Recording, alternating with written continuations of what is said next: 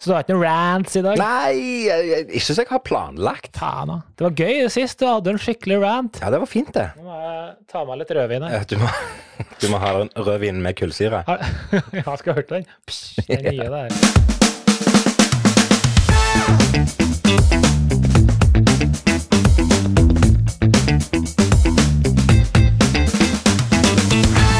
Teknikken på podden er ræva. 170 000 delinger. 3,7 millioner views. Var alene i bilen, så hadde jeg sannsynligvis stoppet fire ganger for å pisse. Jeg hadde nok smakt forskjell på kull og gass, men elektrisk og gass, nei. iGrill er jo bare noe piss. Hjertelig velkommen til nok en episode av Kevin og Carlsen podcast. Det er sannsynlig at det er kanskje en av dine favorittpodkaster, siden du hører på.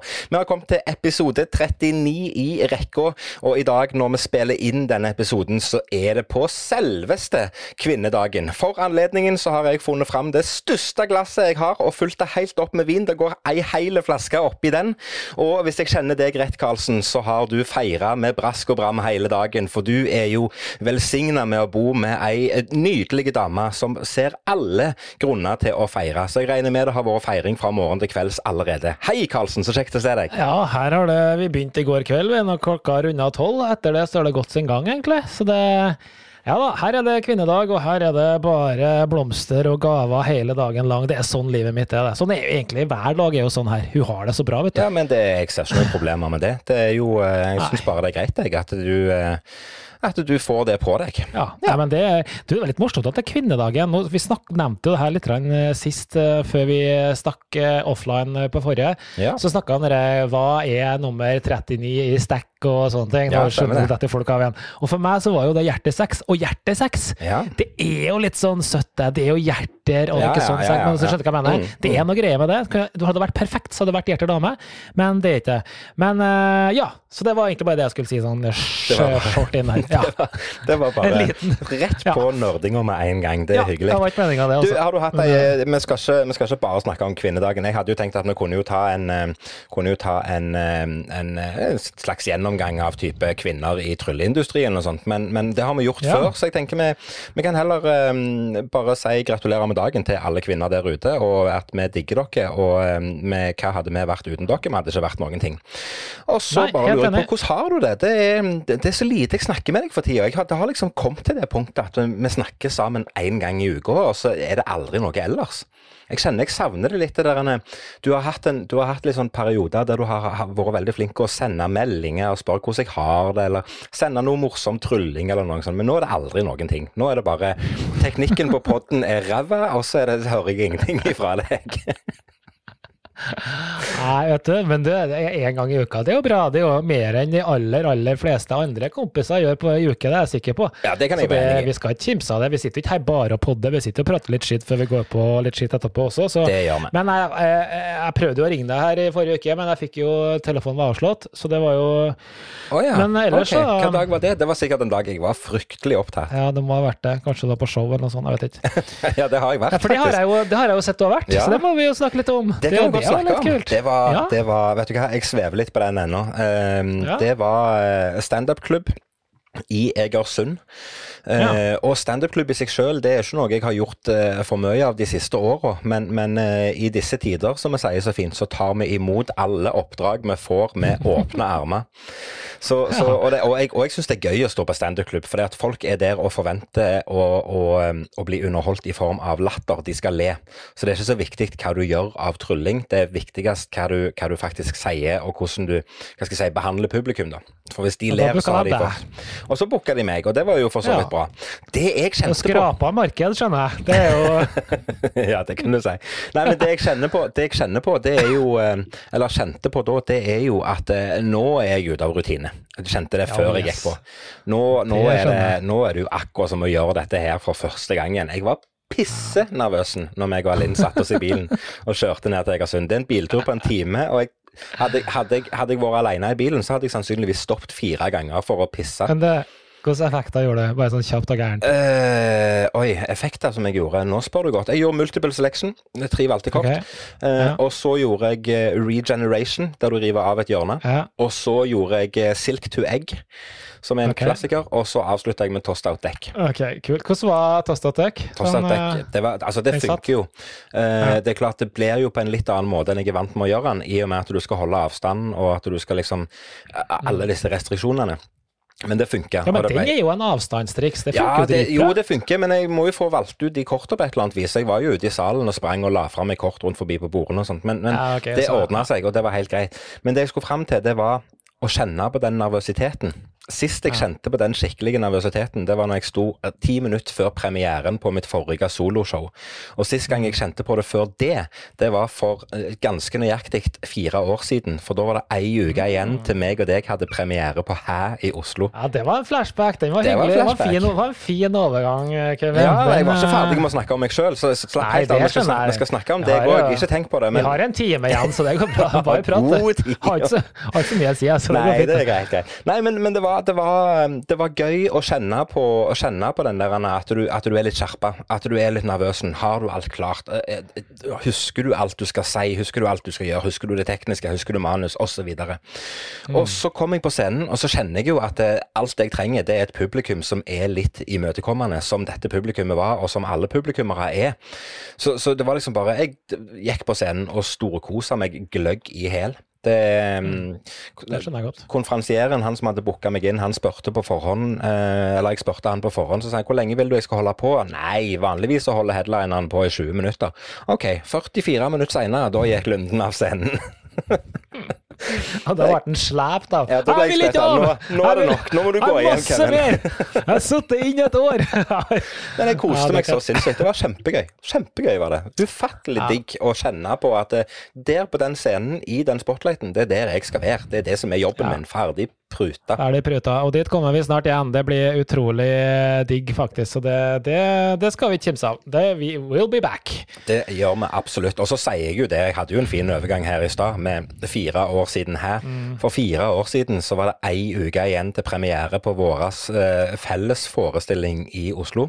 Da, var det, da sto vi og hadde sceneprøver, og vi hadde med oss vår gode venn og kollega Stian, som gjorde oss gode på det showet. Og så satt vi bare og tenkte at eh, dette blir gøy. Og det var Ja. gøy. Det var gøy. Det var ikke bare gøy, det var skitkult. Hadde du sagt at det her gjør vi igjen, så hadde vi gjort det igjen. Ja, du Så, mener det? eh, ja, så, hvis jeg, så hvis jeg sier at eh, ok, eh, 2025, da skal Kevin og Carlsen lage en ny forestilling, så er du med på det? Skal vi vente til 2025? altså Seriøst, det var dødskult. Og jeg vet at uh, de, uh, de uh, som var på det, syntes det var dritfett. Det var, det var faktisk et jævlig bra show, for å si det rett ut. Og, eh, Ja, i all beskjedenhet så var det gøy. I all beskjedenhet så var det faktisk veldig bra, og det var dritkult. Det var en kjempelærerik prosess, og jeg syns showet ble faktisk kongekult. Så det, det gjør vi igjen. Hæ to, den kommer. Det to, ja. Fine arbeidstitler. Ja. Apropos to og tre og fire. Ja. Har du, vi, nå, vi pleier å ha denne spotten litt senere, men uh, hva skal jeg si? Exit, sesong Exit to. sesong to. Så han ferdig i går. I går, du venta såpass lenge? Ja, det, Men, men uh, vi har hatt andre ting vi hadde lyst til å se. Men du, uh, ga oss jo, eh, du, du ga oss jo en oppdatering på at Blacklist hadde kommet med nye episoder, og det har jo ikke vi fått med oss. Så vi Nei. måtte jo ta igjen hele så langt som det hadde kommet i det var jo ti episoder i sesong åtte, eller hva det var for noe. Ja. Så vi måtte jo se det, og så ble det Exit. Så vi hadde mm, Det var faktisk på vei hjem fra showet på lørdag. Som så vi- bil? ja, ja, vi, måtte, vi, måtte, vi kjørte fra Egersund, og det er en time å kjøre. Så tenkte vi at vet du hva, når vi først kjører forbi superchargeren til Tesla, så stopper vi jo og lader opp bilen. Ja. Så det, vi stoppet der. Vi hadde vært innom en butikk og handla noe digg, og så kjørte vi bilen på lader, og så satt vi og så første episode i sesong to av Exit. Helt konge. Konge. Konge. Hva syns du? Du har sett den ferdig? så Ja, jeg syns det, det var dritbra. Jeg syns det, Ja. Og jeg syns kanskje eh, Jeg syns kanskje sesong to var bedre enn sesong én på mange måter. Men, men eh, du må jo ha sett sesong én for i det hele tatt klare å Ja, ja. relatere deg til handlingen. Men eh, jeg syns det, var- det var veldig bra, og jeg eh, kjenner jo at jeg syns eh, sesong to varte for kort. Det skulle vært to episoder til der med litt eh, oppklaring.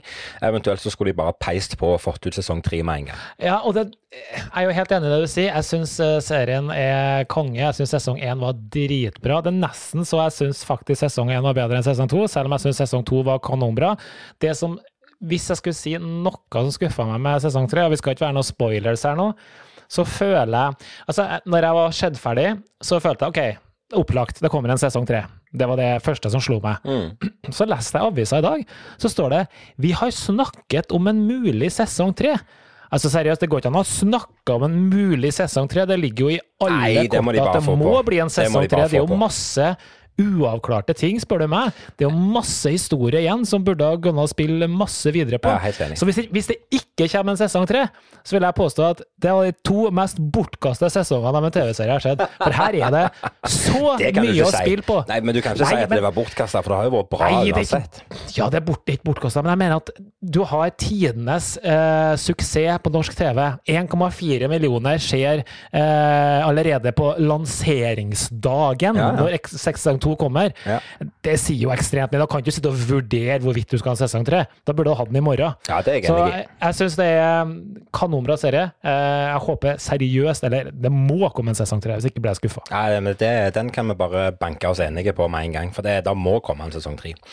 Ja. Det er Sånn er Ja, det. det var ikke noe annet. Jeg ville bare, siden du var inne på to og tre og hæ og sånn, så Ja, ja. det Nei, men det er det var en sånn dårlig overgang. Nei, men det går helt fint, det. Jeg skal ha en enda dårligere overgang. Eh, to ting som du eh, kjenner litt på, på nostalgien over når jeg nevner hva vi har gjort den siste uka. Mhm. Den ene tingen som vi gjorde forrige uke, som, eh, som, eh, som du sannsynligvis er lenge siden du har gjort, det er minigolf. Det er ikke så lenge siden det, skjønner du. Nei? Jeg har spilt med Miriam en del ganger, sånn, blant annet, tror vi allerede. Ikke i fjor, kanskje, men året før. Ja, fall. Ja, nei, minigolf er kult. Det er gøy.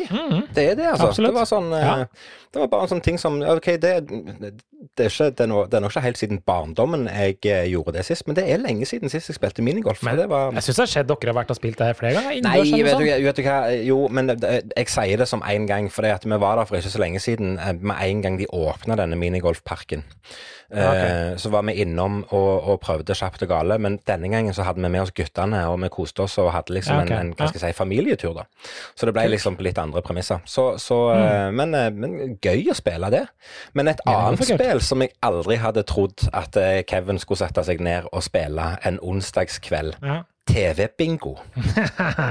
ja. Den hadde jeg ikke Eh. sett komme, altså. Det må jeg jo ærlig innrømme. Men det òg var gøy. Hvilken eh, kanal var det her? Skal du se noen Ja, det er jo? TV Vest, eh, lokal TV her borte, som, som har TV-bingo hver onsdag. Ja. Eh, og så ble det til at vi fikk lov å hive oss med, så da gjorde vi jo selvfølgelig det. Så meg og Linn benka oss ned i sofaen foran PC-en og, og kjørte, kjørte TV-bingo. Og kjente på spenning et, med, med type Formel Er det vår tur til å ringe inn nå? Er det vår tur til Og det, nei, vet du hva, det, og det er sånn eh, det er nostalgisk med hele bingoen, og iallfall TV-bingo eller radiobingo. Men, men eh, Ja.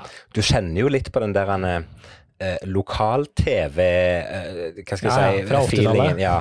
ja vel, ja. Du fikk bingo. Ja, ja, nei, det, ikke, det har jo blitt heldigvis litt oppdatert oppdaterte da, på, på teknologien. Men, men det er liksom den der når de snakker med folk, og liksom sånn, det er jo nesten sånn at Ja vel, ja, ja, jeg så deg jo tidligere i dag. Da, du har fått nye gardiner i kjøkkenvinduet, ser jeg. Altså, det blir veldig sånn det, Veldig Ja. til den lokale tilhørigheten. Jeg syns det var dritgøy. Jeg koste meg, så det skal vi gjøre igjen. Ja, Det er ikke helt fremmed for oss, for vi spiller jo Bingolotto eh, i hvert fall to ganger i året, ved påske og, jul, og det er jo i prinsippet det samme, men litt fetere premie, antar jeg. Ja, og det er vel en ganske stor happening på TV. Og er det ikke, er ikke det en Ja, ja, ganske stor. TV-produksjon? Det går jo tusenvis av millioner hver gang. Ja. Så det er helt vilt. Ja. Nei, du, apropos, du sa at teknologi, teknologien har forandra seg i forhold til Bingolotto. Det var jo ett år Nei, bingo, sier jeg. Sorry, vanlig bingo. Um, det var jo ett år jeg var på Nordsjøen og underholdt, og så har de jo sånne happenings på kveldene hvor de finner på ting og sånn, og da hadde de lot, lotto, eller bingo, da. Ja, ja. Og hvem var det som var bingovert?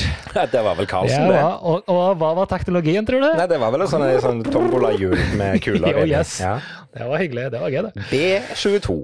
To, to. To, to. Ja. Det er kult. Du, eh, Ja. når denne episoden kommer ut, det er jo på en torsdag.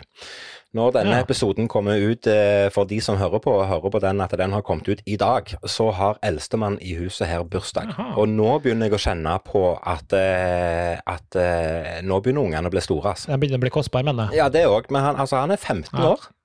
Ja. Det er um, litt tenker, tenker du noen gang, Kevin, på hva, hvor mye hvor mye faenskap du fant på som 15-åring. Ja, og det, jeg har jo fortalt han litt, og han sier pappa, uansett hva jeg finner på, så blir jeg jo aldri så galen som deg.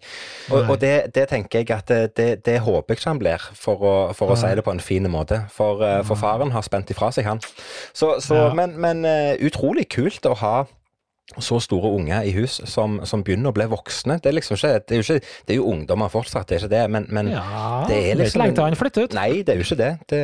Og det hadde vært greit, for jeg trenger et ekstra rom. ja. Niklas, hvis du hører på, så mener, ikke dette, så mener jeg ikke dette. Du skal få lov å bo hjemme så lenge du vil, ikke tenke på det. Nei, men, men jeg kjenner at de, de, begynner å bli eldre, og, og det er noe med, med med den, den miksen vi får i huset nå, med, en, med et spedbarn til sommeren som, som, trenger liksom den type oppfølging i mange år og skal liksom aktiviseres og sånt, og så nå har, du, nå har vi liksom mer eller mindre voksne ungdommer i hus som, som klarer seg sjøl i så stor grad. Det er mm. kontraster så det holder, altså. Ja. Så det... Ja. Det er noe med det. Du, hadde litt, eh, vi hadde jo besøk av Stian, eh, vår felles venn her på fredag, lover ja. til lørdag. Jeg hadde en koselig kveld osv. Og, så jeg vet ikke hvordan vi kom inn på temaet her, men så ble det spørsmål om uh, det, ble litt sånn historie når jeg og Jessica treftes og bla, bla, bla og sånne ting. Mm. Og så fikk jeg jo uh, passet påskrevet, da. Og da, det her er jo litt sånn Det her tror vi har snakka om det før, men Eh, første daten vår, da var det jo eh, Møttes på Aker Brygge, hun tok et glass vin. Ja. Karlsen drakk, Karlsen drakk kakao. Det stemmer, det, ja. ja, det har vi snakket om før. Og det er litt sånn, ok, det her kommer aldri til å gå videre, jeg tenker jeg, for hun er jo, ja, elsker jo vin og det her og grann. Men så ble det jo en date til, og da hadde jeg jo fulgt med litt i timen, så hadde jeg booka en bra restaurant og sånn, så da fikk jeg sikkert trua. Og så ble det jo en date tre, og du, jo, du vet jo hva som skal skje på date tre. Eh, ja. Så da var det hjem til hun, og da var det middag der. Og det jeg får høre, da, det her husker jeg ingenting av. Men det at jeg dukker opp da på day tre i hettegenser Det har jeg litt vanskelig for å tro. Nei, det har ikke jeg vondt for å tro i det hele tatt når det gjelder det. Nei, jo, du, jeg pleier å gå ordentlig kledd, så det har ikke jeg nå trua ja, på. Men, nei, men, men, men uh, du pleier å gå ordentlig kledd, men jeg har nå vitterlig sett deg at du har kommet ifra altså, type, Hvis jeg har kommet til Oslo og du skal hente meg i sentrum eller på Gardermoen, så har du kommet rett ifra jobb, så har du hatt på deg en tynn hettegenser med blazer oppå. Uh, nei. Jo. Jeg, Ah, vet du, ok, Da snakker vi sikkert 50 år siden. I dag går jeg jo kun i, uh, i skjorte og dressjakke. Ja, okay, ja, ja. Da har du gjerne, men, har du gjerne hatt et svakt øyeblikk, da. Det, men jeg, ja. jeg, så ikke på det som, eh, som usannsynlig i det hele tatt. Nei da, det, men det var litt uh, merkelig at jeg egentlig kom gjennom denne kverna der altså, med så dårlige tre første dater. Det, og i tillegg, på, jeg vet ikke hva jeg har fortalt det, jeg fikk jo servert til forrett den gangen. Ja. Uh, Geitosten din. Grill, ja, ja. grilla eller et eller annet geitost. Jeg klarer jo ikke å holde på krepert, men klarte å klemme i meg det kiloet med ost. Og likevel så sitter vi her i dag. Det er litt gøy. Men det, det var et ja, det, det, det, viser jo bare at du, du, gjør hva som helst for Jessica. Enkelt og greit. Uh, okay. Bare si ja. Bare ja. si ja, så ja, går vi videre. Ja, ja, Det er jo, det er jo kvinnedagen i dag, så jeg får si det. vær, vær, forsiktig med hva du sier nå. Du må si det riktig. Hun hører jo ikke bare greiene likevel. Så nei, nei, men plutselig en dag så gjør hun det. Det, det vet du aldri.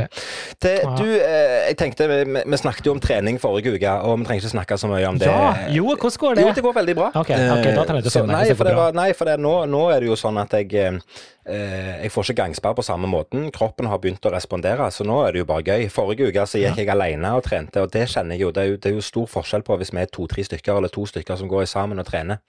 Mm. Eh, kontra det å sitte alene og, og, gire seg opp til å gjøre det. For da blir det kjedelig. Og det kjenner sikkert du på når du er ute og jogger. Greit nok at det går fort og effektivt å ta seg en joggetur alene, men det er mer sosialt når du er flere. Ja, men, men det, er det, går nå fint. Men jeg så, eh, for, noe, for, for, for, å få en overgang til noe helt annet Jeg så her om dagen at du delte en video på Facebook. Mm -hmm. med, det er jo så mye rart, så jeg, kan, jeg husker ikke hva ja, det var. Nei, men det, du har sikkert gjort deg opp en mening om dette, men du delte en video av noe som tilsynelatende var Tom Cruise som trylla. Ja. Det der deepfake-greiene. I'm gonna show you some magic. Ja. Og så har du sikkert ja. gjort deg opp en mening om det, men jeg så i den, i den forbindelse så har det jo vært litt sånn, sånn ja, forskjellige saker på nett om både deepfake, og det er jo en ting som har versert en stund, men det har kommet et, et nytt produkt fra disse disse her, denne her nettsida MyHeritage, som, som driver med sånn slektsgransking og sånt. Eh, der kan du laste opp et gammelt bilde av f.eks. Uh, tippoldefaren din. Okay. Og så bruker de detaljer og, og, og type, type informasjon i det bildet, og så lager de en slags levende animasjon av ansiktet på denne her personen, som har vært død i 100 år. Det er ganske sykt hva de klarer å få til med, med nymoderne teknologi for tida, altså. Ja, og det er jo i prinsippet deepfakes. Det er jo det du gjør med deepfakes-teknologien også. Det er jo det. Ja. ja, det er faktisk helt sjukt. Og jeg må jo si det Tom Cruise-greia, den er jo farlig bra. Altså. Ja, Den er skummelt Altså, bra. Bortsett fra selve tryllinga, for det var crap. Ja, det, og det, er jo for så vidt greit. det, det gjør sånn mye. også. eh, Ja, for dem som ikke skjønner hva vi snakker om, og deepfakes er jo da at du ser på en video, og du tror du ser hvem du ser, men det er faktisk ikke det. Men det skjer helt 100% reelt. Det er samme stemme, det er samme mimikker, det er samme tryne. Det er alt er likt, liksom, så å si, da. Det er helt vilt. Så um, det er morgen, eller kanskje allerede dagens en av de største trusler vi står overfor, tror jeg. Ja, og, og du som, som jobber med, med type IT-sikkerhet og sånt, du kan jo gjerne se eh, holdt på å si, steder og arenaer der dette virkelig kan misbrukes på i stor grad. Ja, ja, altså, du Tenk deg bare tenk deg hvis Deepfakes hadde vært ferdigutvikla før, eller ja, til neste presidentvalg. da. Ja, ja. Fake, kombiner, kombiner, det her med fake news. Mm. Welcome to the nightmare, sier Det kan bli beinhardt. Ja, jeg trenger jo ikke å sitte her på neste pod, vet du. Jeg lager bare en sånn deepfakes-greie. du lager bare en deepfake av deg sjøl, ja. ja. Ja. Ja, det hadde jo vært like um, Like, Like greit. Ja, like greit. Det hadde vært helt fint, Ja. det. Så uh, Du? ja. En helt annen ting som jeg kjenner jeg blir ikke Nei, nå skulle ikke jeg skulle ikke irritere meg i dag. Skal, Nei, skal du skal bare rant. være positiv i dag. Jeg skal være bare positiv i dag. Ja. En ting jeg syns er veldig morsomt, Kevin, som jeg syns er veldig hyggelig og kult. Ja. Eller ikke, da. Um, du, det, jeg, du er jo sikkert også Vi surfer mye på nettet og bla, bla, bla, Facebook og videoer og sånne ting. Mm. Uh, og så jeg kjenner jeg blir sånne, sånne videoer, vet du, hvor du på en måte um, Folk liksom som pranker folk. Ja. Og så er det ikke en prank, det er liksom så avtalt spill herfra til månen. Ja. Du liksom kanskje går bak noen som sitter på en, eh, på en benk på en park, og så gjør det et eller annet, og så, ja, ok, så de merker ikke at du er der, nei. Du fester noen greier og som gjør skjer sånn og sånn, og så plutselig de reiser seg, så går alt til helvete. Eller et eller annet, ikke sant? Du skjønner hva jeg mener? Jeg tror du, har, bare jeg tror er du bare- nettopp har sett en film med Mike Hammer og Justin Flom, som Eh, sitter nei, på en det her eh, var faktisk med. Julius Dane, da. Men, Ja, ok, ja, men ja. eh, same shit, Men det er så different opplagt, rapping. det er så opplagt uh, rigga. Ja, altså, de, du vet det, alle vet det at det er rigga. Det er ingen som tror at det her er reelt. Nei. Allikevel, da. Den jeg så, den hadde 170 000 delinger Ja. og 3,7 millioner views. Jeg fatter det da tenker jeg så sitter du og jeg da prøver å legge ut noen kule tryllevideoer nå, og da ja, jeg får 54 views, og det skjer ingenting med, nei, liksom. nei, det er- Og så er det idiotene der som bare Det er jo bare tull! Ja, det er bare tull. Men de har, de har jo Det er eh, ikke morsomt engang! Nei, det er ikke det. det, er ikke det. Men tror du, tror du mye av grunnen til at vi ikke syns det er morsomt, er at vi kjenner, at vi kjenner f.eks. Julius Dean, da, at vi kjenner karakteren bak, og gjerne derfor eh, gjerne ikke syns det er så spennende lenger? For det var jo veldig hipt når, når han begynte å legge ut videoer for x antall år siden, så var det kult. Ja, men da la han ut trylling. Ja, det er jeg enig i. Det er jeg enig i. Ja, og det, det som han skrev i ene innlegget i dag, et eller annet bla, bla, bla, live with me, magic will come back, eller et eller annet, jeg husker ikke hva han skrev for noe. Mm. Så det er det er litt sånn, det er litt som hvis du kikker på Rick Lax også, som har hatt kjempemye kule ting som har vært tryllerelatert, eller ish mentalisme-greier. Ja, ja. Og så har han også glidd over dette fjaset her nå. fjas. Jeg er helt enig. Det er mye fjas. Skal vi også starte med det? KC Fjas AS? Vi kan godt gjøre det. Vi kan godt KC fjase. Fias? Den er bra. KC fjas. Ja. Ja. Ja. Nei, jeg vet ikke. Mm, jeg skjønner ikke greia. Jeg skjønner ikke greia. Hvis noen som er ute der som skjønner hvorfor dere gidder og synes at det her er morsomt, så må dere gjerne si fra. For Ja, for det, kan du, fått for det kan du gjerne si, og det er jo en ting som jeg òg har tenkt på, på for min egen del òg, og jeg vet at du òg tenker på det. Det er jo gøy å legge ut, legge ut videoer. En ting som er morsomt og som er gøy, og meg og Alinn har jo våre ting som vi legger ut, men jeg prøver jo å legge ut litt gøy trylling òg en gang iblant. Men, Ja. men, men det er liksom responsen du får på det. det er, altså For min egen del, jeg får jo mye mer respons når jeg legger ut at jeg har strikka et par med nye sokker til, til en eller annen, enn en det jeg gjør når jeg legger ut eh, videoer av trylling. Men jeg tror, Ja, det, er jeg tror det handler om innpakninga. Jeg tror rett og slett det handler om innpakninga. På, på disse videoene. Disse videoene her ser tilsynelatende litt random ut. Det ser ut som om det skjer uh, uten at det er planlagt. Og så er det et eller annet sprøtt som skjer. og Derfor så gidder folk å følge med på det. Men når ja. meg og deg legger ut en video med trylling, så har vi lyst til at det skal se litt skikkelig ut. Det skal være litt gjennomtenkt, og det blir gjerne litt for seriøst. At vi klarer ikke å få den der uh, happy go lucky-feelingen på det. Jeg vet ikke. Det, jeg, tror det er mange, jeg tror det er mange fasiter på dette her. Og så tror jeg det er mange uh, tilfeldigheter ute og går som gjør gjør eh, at det ene er bedre enn det andre. Men det hadde vært kjekt å bare ha fått noen som sa 'derfor er det sånn'. Derfor er vi patetisk. Ja. ja.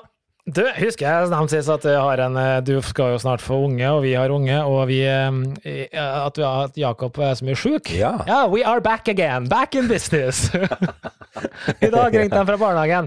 Du, jeg tror dere må komme og hente Jakob. Oi, ja, ja. ja så, vi, så, nå er det falsk krupp, da. Nå er det falsk krupp. Ja, men der er det jo bare én ting som gjelder. Det er bare få han ut i kulden. Ut og lufte. Ja da. Ut og lufte. Det, det hadde jeg med, med bursdagsbarnet òg, som blir 15 nå. Når han var ganske sånn som Jakob, så hadde han òg falsk krupp, og da var det bare pakke oss inn i ei dyne og sette oss på terrassen i kulden. Så det, ja, det, det, det høres litt sånn Men det høres, jo, det høres jo fælt ut hele den der gruppen. Det høres grusomt ut. Ja, uh, men en ting jeg lurte på. Falsk krupp. Mm. Er det noe som heter ekte krupp òg, eller? Det vet jeg ikke. Vet du? Nei, Nei jeg tror det er et uh, At, at uh, den kruppen, da, ja. det var egentlig noe kjempealvorlig. Jeg vet ikke hva det er for noe, men det var noe sånn, med, sånn sjelden greie. Ja. Falsk krupp er en slags variant, da, jeg tror jeg som er litt sånn ufarlig. Det er jo bare et virus, så vidt jeg vet. Ja, det er jo et virus som påvirker slimhinnene, ja. som, som, gjør at de hovner opp. Ja. Så jeg har ikke hørt noe om noen som har ekte krupp i dag. Nei. Det er kanskje noe sånn gammelt som uh, har forsvunnet, jeg vet ikke. Så, men det er jo et uttrykk. Hvis det er noen leger ute der som ja, det, Hvis det er noen som kan dette her, så må, de, så må de si fra. Men det er jo et uttrykk. Jeg vet ikke om dere bruker det borte hos, uh, hos dere, eller om du bruker det i, i, fra Trondheim eller noe sånt. Men vi sier jo her at åh, jeg får helt krupp av deg. At, det, at det er liksom en sånn ja. åh, jeg, ja. Vi, vi, sier fnatt, og det blir ikke det samme. Men, ja, men det er litt i samme gata. Ja, og jeg får helt fnatt av det. Mm. Det er litt som uttrykket på trøndersk. Ja. ja. Ja, ja. Nei, så det, sånn, sånn, sånn går det her. Så, ja, men det er fint. Ja. Så du at vi hadde rigga opp kosehold kosehull og klar for våren igjen? Ja, det så jeg. Åh, det er så fint. Og jeg sa det til din kjære, for hun eh, kommenterte. Hun, hun er jo veldig flink. Du òg har vært flink i det siste å kommentere på ting jeg legger ut, men, men, men Jessica skal få kreds, for hun er veldig flink. Veldig flink å kommentere og løfte meg opp. Så det setter ja. jeg pris på. Og hun kommenterte, og jeg skrev, at, eh, og jeg skrev tilbake at jeg gleder meg veldig til dere. Jeg skrev ikke hun. jeg skrev dere. For jeg gleder meg veldig til mhm. dere kan komme på besøk her, og vi kan sitte i kosehold og lage litt pizza, eller grille noe på bålet, og drikke Pepsi Max fra stetteglass og kose oss. Det blir så gøy. Så, vi, hadde, vi, hadde, liksom uh, vårånda der i går. og ja, rydda litt ut av fra vinteren, og det var lenge siden vi hadde brukt den, så det var gøy å liksom bare shine det opp litt. og Tente ja. bål og lagde mat der ute og koste oss skikkelig. Det er en fantastisk plass, altså. Ja, det, det jeg gleder meg sjøl, bare på lille greia vi har bak her, så det skal bli veldig kult. Jeg gleder meg faktisk veldig. Men jeg syns jo det tar altfor lang tid, det her, altså. Nå skal vi ikke nevne det ordet engang i sendinga her, så Nei, det er ordet som snart har ettårsjubileum. Ja. Det, ja, på fredag, ja. for min del. Mm. Eller noe sånt. 13. Ja. ja. Så eh, nei, det var ikke noe eh, spesielt mer jeg hadde å si heller. Du, jeg har bare ett spørsmål helt til slutt, ja, uh, før vi ruller videre. Og det, det er ikke noe rant, det her heller. Men det, det her er ikke forberedt på. Det her kunne vært et tema til et trylletema, men jeg bare tar det nå for å se om du har et, sånn, et svar direkte. Ja, ok. Nå er jeg spent. Og det er, det er veldig mange som kaller seg Master Magician. Ja. Hva betyr det? Det kan du gjerne si. Jeg tror, jeg tror rett og slett det, det kommer fra gammelt av. At liksom, hvis du er en master magician, så er du en sånn en da er du sånn kjempeproff. Gjerne en som, som har lær... Ja, men altså en som, okay. som har type eh, læregutt, eller gjort seg opp en, en viss eh, status i, i, sin verden, eller et eller annet sånn. Eller så kan det bare være at magician høres ikke tøft nok ut, så vi må bruke master magician, for jeg er virkelig god på det jeg holder på med. Mm. Aldri tenkt over det, og har ikke noe godt svar i det hele tatt. Jeg bare tenker ja, ok, men hvis du har lyst til å kalle deg for master magician, så gjør det, da. Det... Ja, for det er jo heller ikke en beskytta tittel, så Nei, er jo bare å kalle måte. hva du vil. På ingen måte. Så, og det virker som det kan brukes av alle, om du er en teoretiker eller en som holder 1000 show i året, eller om du er en som gir ut masse DVD-er, eller om du bare er en uh, wannabe. vet ikke, så Master Magician, det er et bra ord. Uh, lurer på om å kalle meg det. Yeah. ja. det syns jeg du, du skal gjøre. Ja, du har et uh, Vi la oss rulle videre. Jeg har et tema for uh, dagen, Kevin. Yes, så dagens eh, trylletema, faktisk, eh, Kevin, det er um, vi, eh, Snart så er vi jo tilbake igjen og skal uh, på igjen, og da tenker jeg vi må jo begynne å tenke gjennom litt, litt igjen. Hva er, det, hva er det vi skal gjøre igjen når vi kommer på scenen, og hva er det som bestemmer, bortsett fra hvis vi bare går tilbake til det gamle, da, hva er det som bestemmer hvilke triks vi faktisk gjør? Oi. Uh, ja, for jeg tenker det er jo Som tryllekunstnere så tenker jeg det er veldig lett kanskje å bli litt blind, da. Ja. At vi velger kanskje triks på feil kriterier. Mm. Fordi at vi som tryllekunstnere syns at å, det her er et dritkult triks, det må jeg bare gjøre. Ja. Men øh, hva er det vi egentlig gjør? Hva er det som er viktigst når vi går på scenen og bestemmer oss for at det her trikset, det må jeg gjøre? Eh, Er det fordi at det er noe kult, eller hvilke faktorer er det som kanskje påvirker de valgene vi gjør, eller hva burde ha vært eh, tenkt på? Eh, Først av alt så har jeg lyst til å komme med et oppfølgingsspørsmål og spørre tror du, tror du den tankegangen endrer seg nå bare fordi at vi har hatt pause et år pga. koronaen, eller, eller tenker du sånn generelt hvordan vi tenker alltid? Jeg tenker egentlig generelt. Det var bare litt sånn relasjon til at vi skal tilbake Ja, på scenen, da, men det kan jo være at noen ønsker å, å kanskje fornye seg litt, så hva bør man kanskje gå gjennom? Ja, jeg tror jo sånn, sånn generelt så tror jeg at alle som driver med trylling og kommer derhen at de skal sette sammen en forestilling for et publikum, så tror jeg de første gangene de gjør det, og første gang de står foran et publikum, så velger de effekter utelukkende på hva de sjøl syns er gøy og interessant. Dette trikset liker jeg å gjøre, dette trikset vet jeg er bra, dette trikset syns jeg er kult, derfor skal jeg gjøre det. Men så etter hvert, når du, når du har stått foran et publikum mange ganger, sånn som meg og deg har, og mange andre òg har, og når vi liksom får det som en jobb, så, så, begynner, så begynner tankegangen og den kreative prosessen å bli litt annerledes. Hva kan jeg gjøre for å inkludere publikum? Hva, hva, hva vil publikum sette pris på? Hva kan jeg bruke av, type eh, Hva følelser kan jeg spille på for mitt publikum? Og så videre og så videre. Og derav vil òg måten å velge ut effekter på endre seg i, i ja, litt i stil med, med at du òg endrer deg som artist, da. Ja. Tror jeg. Ja. For jeg kjenner det sjøl for min egen del. Når jeg eh, kommer tilbake igjen og endelig Ja, ja, sant. Jeg var jo på jobb i helga for en gangs skyld. Eh, og da kjører jeg jo gammelt eh, material, for jeg vet at jeg vil kjøre noe som jeg er trygg på, som jeg ikke trenger å bruke tid på å tenke på. Men, Mm. men når den dagen kommer at vi åpner opp igjen og hverdagen er tilbake, så, så eh, har jeg jo lyst til å bruke eh, nye ting i form av hva er det som har trigga meg eh, de siste åra, hva er det jeg syns er interessant, og hva type, hva sjanger er det jeg vil inn i, og hva, hva sjanger er det jeg vil være i, i i det jeg holder på med på scenen. Jeg liker veldig godt å inkludere og involvere publikum. Jeg er veldig opptatt av at meg og mitt publikum skal lage en forestilling sammen, og det fordrer jo at jeg velger ut og finner effekter som i stor grad benytter seg av publikum, enten i dialog eller som, som kaller en rekvisitt, og at publikummeren er en rekvisitt. Så det er jo de tingene jeg jakter etter, men det er jo ikke sikkert du har den samme tankegangen på dine, på dine show. Nei. Men ok, så du tenker interaktivitet, for eksempel, men det er jo ikke gitt altså, Jeg tenker jo tenker litt større baner, da. Hele poenget med å gjøre et uh, show, forhåpentligvis, er jo at du skal gjøre et show til. Uh, og da på en måte bør du jo gjøre noe som gjør at folk ønsker å booke deg en gang til. Det er Ja. litt sånn min inngang til det her, da. Ja. Så selv om du koser deg med å ha noen på scenen eller gjør noe interaktivt, så er jo ikke det gitt at det betyr at de booker deg igjen.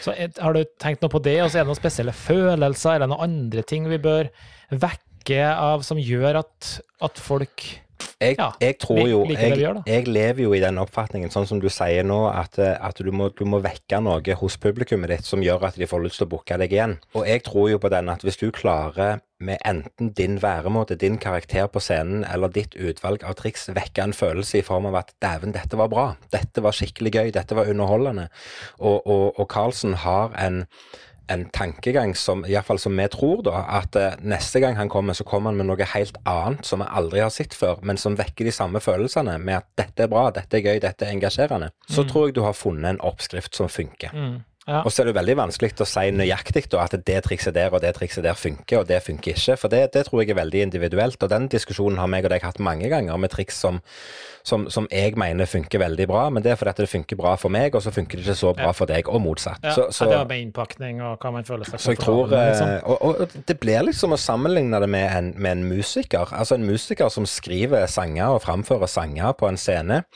har ikke nødvendigvis alltid holdningen på at dette må være noe som som eh, Jo, de har jo for så vidt det, og de vil jo at publikum skal like det, men tror du det er det som driver de? Nå skal jeg lage en ny sang, og jeg har fått for meg at denne sangen skal, skal alle i hele verden like. Eller tenker du at det er noe som inspirerer de der og da, som gjør at dette har de lyst til å skrive musikk på? Eller en standup-komiker. Det er mange store, populære standup-komikere som har show på show på show på show. Det er ingen som vet hva den personen skal snakke om i det hele tatt, men de kommer allikevel, for de vet at det han har gjort før, eller det hun har gjort før, har vært veldig, veldig bra. Nei, det er vanskelig å si det her. Men eh, da skal jeg utfordre deg på et uttrykk da, eh, som jeg leste en gang for eh, 100 år siden. Ja. Eh, eh, og så kan man være enig eller uenig. Mm. Jeg vet hva jeg er, da. Ja. Men det er What they remember is the entertainer, not the entertainment. Ja, men det, nok, det kan jeg nok være enig i. Du er det, ja? Ja. Da er jeg uenig. Okay. Da kan vi diskutere. Yes. Endelig har vi noe vi er uenig i. Nei, men det er, faktisk, det er jeg faktisk enig i, fordi at, eh, fordi at eh, det, det handler ikke så veldig mye om hva vi gjør, det handler om hvordan vi gjør det, mener jeg. Det handler om Ja, men hvordan vi gjør det, er jo fortsatt opplevelsen av underholdninga. Eh, Ja, ja. Det Ja, det handler om, det handler om entertaineren. Det handler om innpakninga. Ikke om hva du gjør. Altså ikke om valg av Hvis du skal si det sånn, da. Hvis du skal ta det uttrykket ditt It's not about the, the entertainment, it's about the entertainer. Det handler ikke om triksa du gjør, det handler om hvordan du framstiller deg sjøl på scenen. Ok, da, da legger vi litt forskjellig i, i tolkninga av det uttrykket. Jeg tenker med entertainment, så tenker jeg hele opplevelsen av, av effekten, og det hvordan vi performer hvordan vi pakker det inn, hvordan vi formidler det, alt mulig. Eh, og entertaineren kan være så kul han vil, men så lenge ikke han klarer å formidle budskapet, så er det jo akkurat like langt. Nei, men han kan Så- jo formidle budskapet for det. Jo, men det er bare å si hvordan jeg tolker det uttrykket. Ja. Ja. entertaineren eh, Jeg tror ikke det har så mye med om det er jeg eller du som gjør det. Jeg tror at til syvende og sist er det hvordan det blir, for, hvordan det blir kommunisert, Mm. og hvordan det blir opplevd. Da. Og det legger jeg i entertainment. Ja. Ergo så mener jeg at entertainment er viktigere enn entertaineren. Eh, men det er liksom hvor du setter grenser. Ja, ja, det handler om tolkninga, selvfølgelig. Ja. Ja. Men jeg tror, at, jeg tror jo at hvis du har en Hvis du som eh, artist klarer klarer å, å fange ditt publikum på en eller annen måte, samme hvordan du gjør det, men hvis du klarer å fange ditt publikum og engasjere ditt publikum på en eller annen måte som er positivt, som gjør at publikum sitter igjen med en positiv følelse, så har jo du gjort noe riktig. Da handler det ikke om hva du gjør, da handler det om deg. ja, til en viss grad. Ja. Jeg synes jo et eksempel på det, dette her er jo, et kjempegodt eksempel på det, er jo Robbie Williams.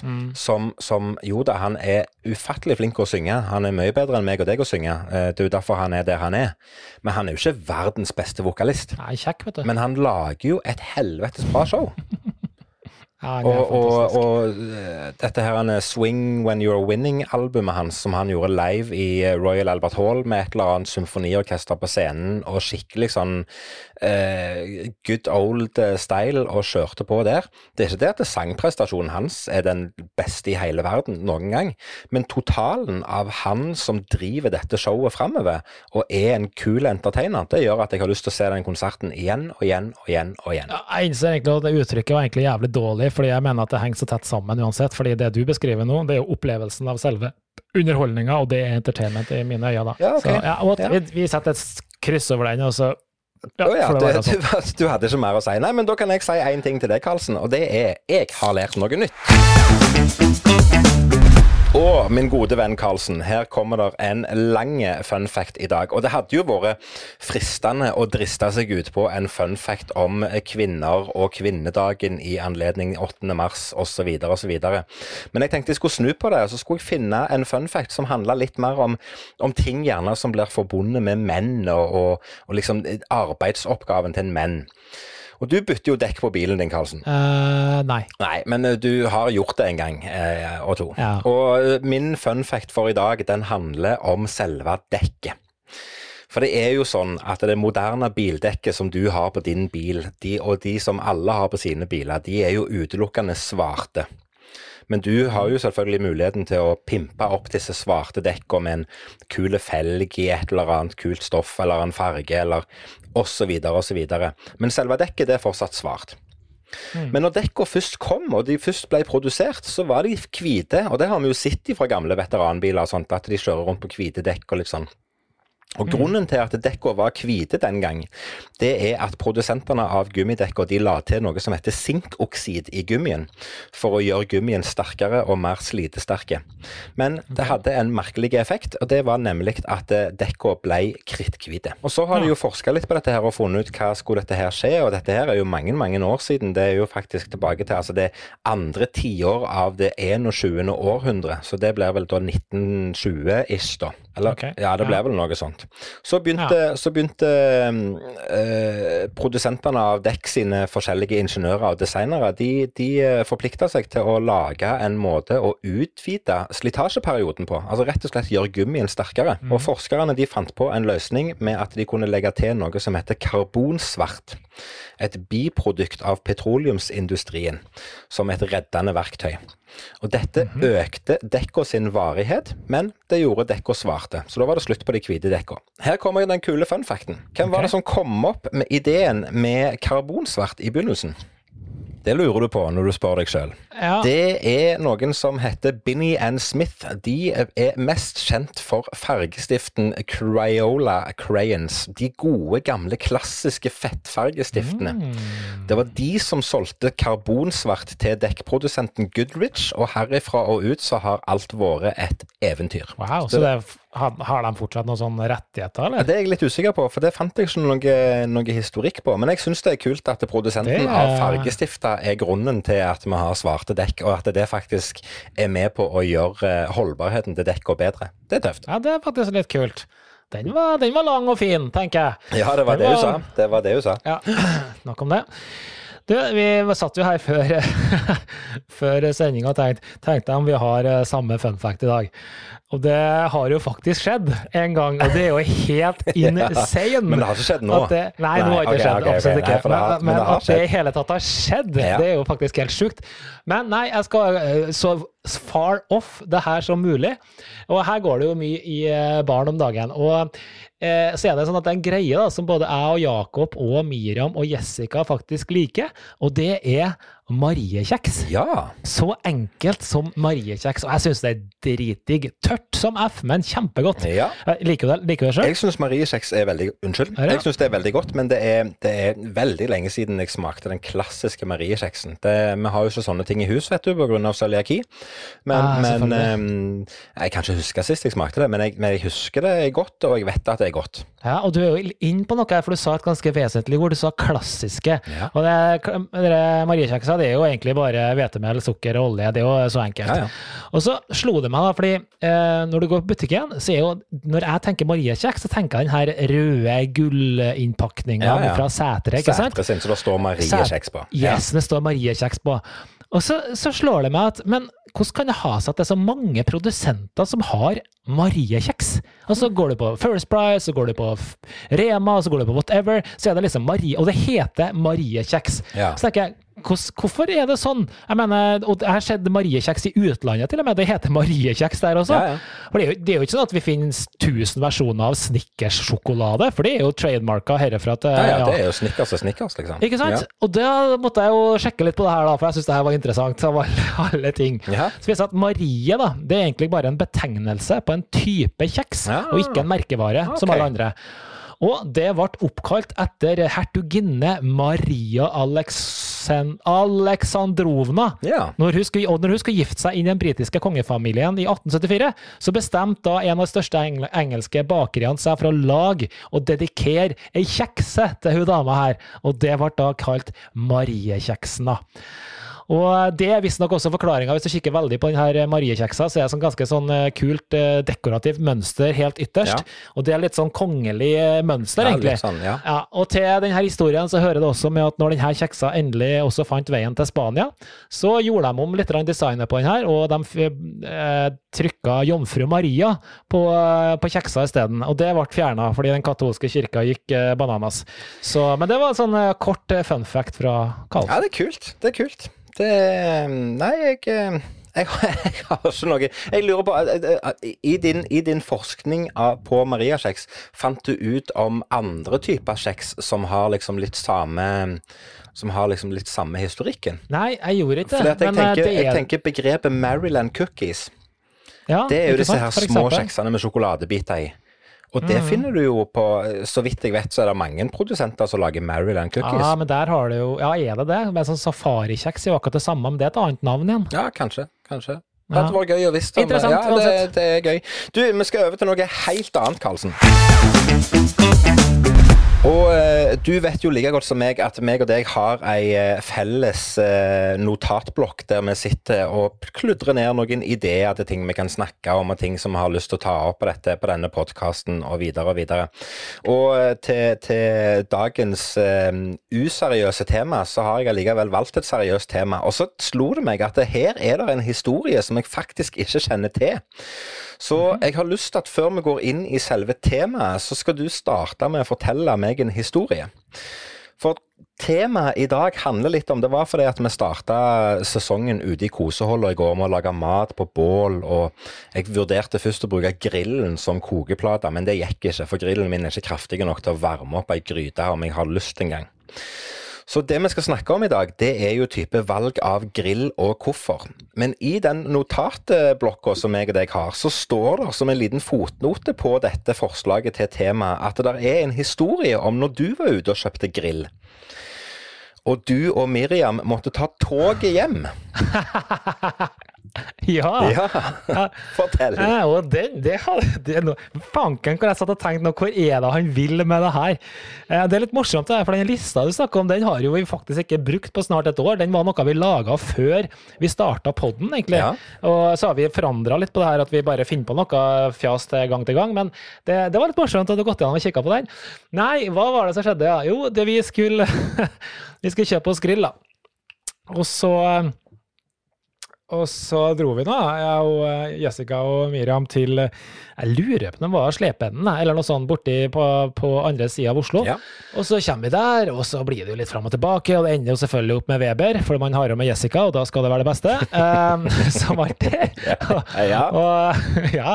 Uh, og så bla, bla, bla, Betaler, kjører inn i uttaket, og så kommer vi Oi sann! Jaså, ja, den var så stor, ja. Den pakken her, ja. Med, ja. Og da fant vi fort ut at eh, Men det er jo ikke eh, Det er det er ikke plass, plass til, til Miriam.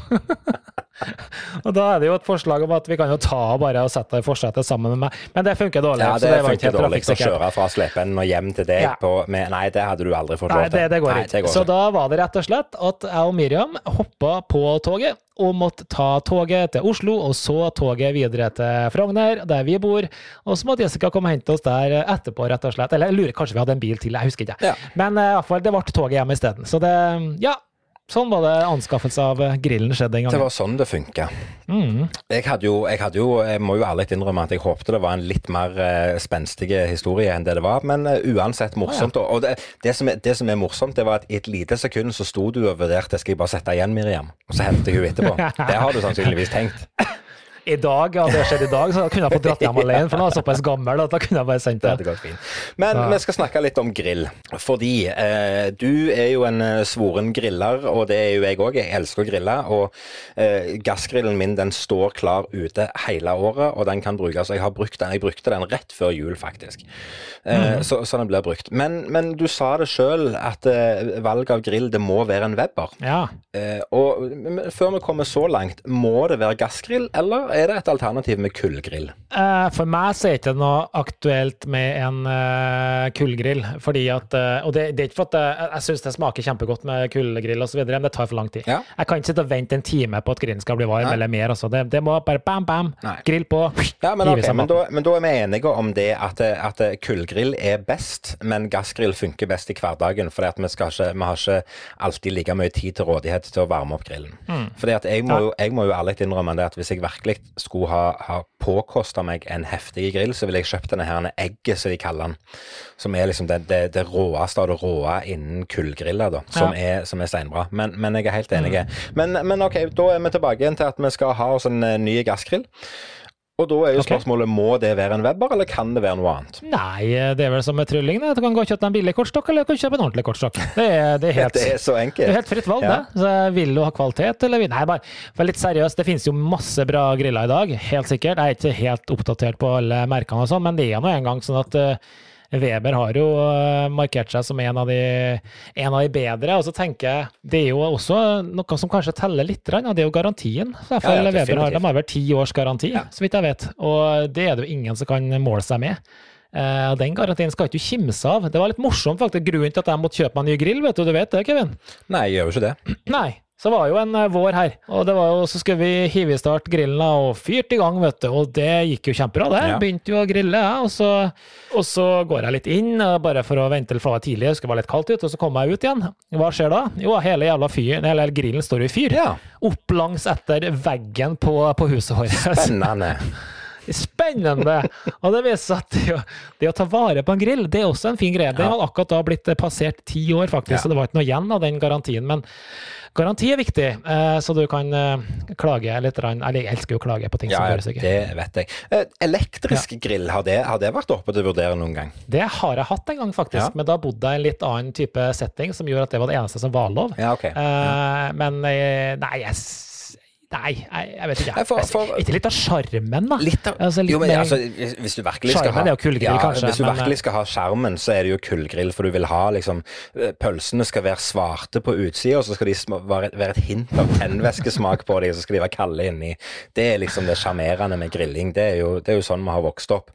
Men, men, eh, men jeg er enig i det litt av skjermen. Men, men svigers de har elektriske grill på hytta, og det funker jo. Det funker jo helt fint. Og jeg Mm. Ja. må jo ærlig innrømme det. altså grillen, Den grillen jeg har, jeg har den minste Weber-grillen som går an å oppdrive. Den er så okay. liten at du, du, du bruker sånn store propan eller Det vil si, jeg har kobla den om, så jeg bruker så sto, store propanflasker nå. Men når du kjøper den, så får du sånn en liten sånn turprimusgass med. Så det er jo sånn, du kan jo ha den i, du kan jo ha den i ryggsekken når du går på fjelltur. Eh, og, og grillen til svigers på hytta den er akkurat like, bare elektriske. Og jeg må jo ærlig innrømme at hvis noen hadde steikt en biff til meg på den elektriske grillen eller på grillen min hjemme, jeg hadde jo ikke smakt eller sett eller kjent forskjell på kjøttet. Og det sier kokken, Kevin. Ja, det sier kokken Kevin. Jeg hadde nok smakt forskjell på kull og gass. Men elektrisk og gass, nei. Hmm. Nei, kanskje ikke. Men jeg har jo merka meg det at det tar, jo, det tar jo desto lengre tid å varme opp denne grillen. Jeg tror ikke det er lettere å tilberede mat, og ergo også få en bedre eh, totalopplevelse på en, på en eh, gassgrill enn det vil være på en eh, elektrisk grill, fordi du kan legge kjøttet til side, det kan ligge og mø... Altså, Ja, ja, jeg er, jeg er, jeg er enig i det, altså. så opplevelsen av matretten eller middagen totalt sett blir allikevel bedre på en eh, kull, eller, ga, kull eller Ja, gassgrill. ja, ja. Nei, det, det, Jeg vet ikke. Nei, ikke jeg heller. har aldri tenkt over akkurat det, men det var bare noe som slo meg. Men, men eh, Mm. tilbake til Vi er jo enige i at uh, hvis vi skal velge noe, så blir det gassgrill. Og det er helt greit, for det er kjapt og effektivt, og det funker. Eh, Hvor mange brennere skal det være på grillen din? Jeg må ha tre, i hvert Du må ha tre. Hvorfor må du ha tre brennere? Uh, nei, men én ting er jo Brennere henger jo ofte også sammen med hvor stor grillen din er. Så spørs jo hvor bred den er. Så Jo, flere, jo bredere enn jeg, jo flere soner får du uansett. Ja. Eh, og jeg vet jo, dere er jo snart en familie på fem, så dere må jo ha litt plass. Og til- du må jo ha det, og så må du ha mulighet til å legge til side mat som skal kanskje langtidsstekes, eller kan hvile litt på en annen annen ja. sone osv. Så, videre. så det, det makes sense, det. det må, Jo, men jeg eh, tenker sånn som du sier nå, så sier du du må ha en stor grill, sånn at du har plass til å grille maten på én sone, og så skal den hvile på en annen sone. Da Mhm. trenger du ikke en brenner på den hvilesonen. Da trenger du bare én brenner, da, så du kan grille kjøttet, og så kan det hvile. Ja, men, så det skal jo ikke ligge og tørke opp heller, da. Det kan jo ligge og småfrese litt. Ja, okay. Ja, nei, men det, det, nei, men jeg Det her er jo, det her er jo ditt fagområde. Kan Ja, du ikke det- spørre meg om å lage mat? Du vet jo hva jeg kan. Er Jeg kan jo steke Grandis, jeg. Ja, og det er derfor jeg spør deg, og det var mitt neste punkt. fordi at eh, skal du ha en grill der du kan steke en pizza på? Nei, det trenger ikke du, fordi du kjøper deg heller en egen pizzagrill. Det skal vi gjøre. En egen pizzagrill, Eh, faktisk. Ja, Ja. sånn pizza-stekeovn-sak. Ja, Det er dritkult. Ja, det er. En Veldig, veldig pizza- kult. Ja, ja. Jeg vet hva du Ah, mener. Jeg har, bra, på, altså. jeg har lyst på en pizzaovn sjøl, altså. Men jeg har jo lyst på en sånn Ja. stor jævel som er vedfyrt, jeg, da. Men det, noen, det får være en Ja. annen diskusjon og en annen historie. Ja, nei, det tar vi oss ikke plass til. Men det er en, vi har funnet en som vi tenkte å kjøpe i fjor, men de er jo dyr, de her òg, vet du. Men eh, de er faktisk litt kul, og den pizzaen blir visst veldig, veldig god. Det Mm. nabo som kjøpte seg her for en stund siden, Ja. eller i fjor sommer. Ja. De, eh, ja, snasent. Men så har vi jo andre funksjoner i en grill i dag som jeg tenker what is the point? What is the... Ja. Du, nå skal vi egentlig hatt med Stian her, for han er sånn Ja, han er jo, han er jo super-grillentusiast. Han har jo grillen fra helvete, han har jo sånn 37 Ja, ja, brennere. det er jo, det er jo går Det liksom for, det, for det går jo på det går jo på én ting at du har mange, mange brennere. Vi snakker om tre brennere, vi snakker om soner og alt det sammen sånn. Men du får jo disse grillene som har egne kokeplater på sidene, så du kan koke ris eller koke saus Ja. eller sånne ting. Eh, som sikkert er kult, det. Men funksjonene som jeg er på jakt etter, det er eh, Nå vet ikke jeg om du når du er ute og griller, om du bruker steiketermometer. Uh, jeg gjør jo ikke altså, Hvis vi steker sånne ting, så gjør vi det. Altså Hvis Ja. du skal slenge på en indrefilet eller altså et eller annet sånn større ting som skal Da må vi ha det. Og da er mitt spørsmål, skal du bruke det gamle steiketermometeret som du har i skuffa di, som du, som, som du sjeldent og aldri bruker, eller skal du investere 1500 kroner ekstra i grillen, sånn at du kan få termometeret på en app på telefonen din? Nei, nå skal jeg fortelle deg en ting, og det her er ikke piss. Du snakker nå om iGrill Ja. fra Weber. Ja. som da, det her iGrill er jo et merke som Weber faktisk kjøpte opp, så det er jo ikke de som har laga det her i utgangspunktet, men iGrill er jo bare noe piss. Ja. Altså Greia er du får en, du får en grill som det står et emblem iGrill på, og det, det har vi, men det er ingenting på den grillen som er en iGrill. Det, det er bare at du kan snike inn en egen eh, termost, termostatgreie, og det kan gjerne være en iGrill. Det kan gjerne være en sånn eldgammel puck av noe greier du har Ja, liggende. ja, selvfølgelig. Så det er bare tull. Det er et emblem som de bare har valgt å tjene noe penger på. Og, den, og da skal jeg ha sagt det, vi kjøpte denne iGrillen, og det er litt kult det, å sitte med den på telefon og følge med, og app og varsling og sånne ting. Og det er helt fair. Det, vi lever jo i den verden. Men den der iGrillen som vi hadde, jeg lurer på om det var toeren, jeg tror den har kommet i tre nå, men den er jo så elendig at den har ikke noe av-knapp engang, så den ligger der og bare suger batteri hele tida. Så Ja. du må, hver gang du bruker den, så må du ta ut batteriet, snu batteriet eller et eller annet, for å få den der til å ikke lo- loss Ja, det er jo battery. Det er jo meningsløst. Meningsløst, Og det er, her det, er så kommer, det, bortkastet. det er her det kommer inn. Altså, vi har kokt middag på bål og åpen flamme i tusenvis av år, og den maten Ja. blir ikke bedre om du bruker en app på telefonen eller ikke. Nei, Så, så eh, er ikke det best at det er litt sånn halvbrent og litt sånn eh, Det skal jo være sånn på en grill. Det skal sånn det på en grill, og det er derfor jeg er Ja. litt sånn Det er derfor jeg er litt aller mest tilhenger av en god, gammeldags kullgrill. Jeg har riktignok en Weber Ja. kullgrill, eh, og, og om det er bedre eller en, en dårligere eller andre typer kullgriller, det skal ikke jeg uttale meg om, men han gjør nytta. Eh, men det er litt av sjarmen med det der. Du skal stå og knote med grillkull og tennvæske helst, eller en, en sånn, sånn, denne her tønna som du kan fylle kull oppi og kjøre på med en eller annen varmepistol. Nei, det er så mye vitenskap og teknologi på dette her. Men jeg hadde jo håpet at vi skulle være litt mer uenige, det må jeg jo innrømme. Jeg vet nok ikke det, og det er fordi jeg ikke er så kresen på det her. Det her er jo egentlig ikke mitt område. Men jeg, har, jeg elsker jo gadgets. Jeg er jo litt sånn, jeg syns det er kult å ha en ordentlig grill. Det må jeg si. det kan jeg være enig i. Det, Det hører liksom Det er noe med det, det å stå der som mann og grille og ha en ordentlig liksom masse Jo, det, ja, og, det, på. og det er jeg enig i. For, for sånn, etter vi lagde denne her eh, utestua vår, koseholder, så, så satte jo jeg inn grillen min der. Og jeg, jeg kjøpte en liten grill for noen år siden, som, er, som, jeg, som jeg sier, det er den minste Weber-grillen. Eh, og- Men han gjør nytta. Jeg kan steike en biff på han, jeg kan steike burgere på han, jeg kan steike pølser på han. Og, og det- det handler jo bare om å planlegge litt, så kan du mette en hel bataljon på den. Det er jo ingen problem.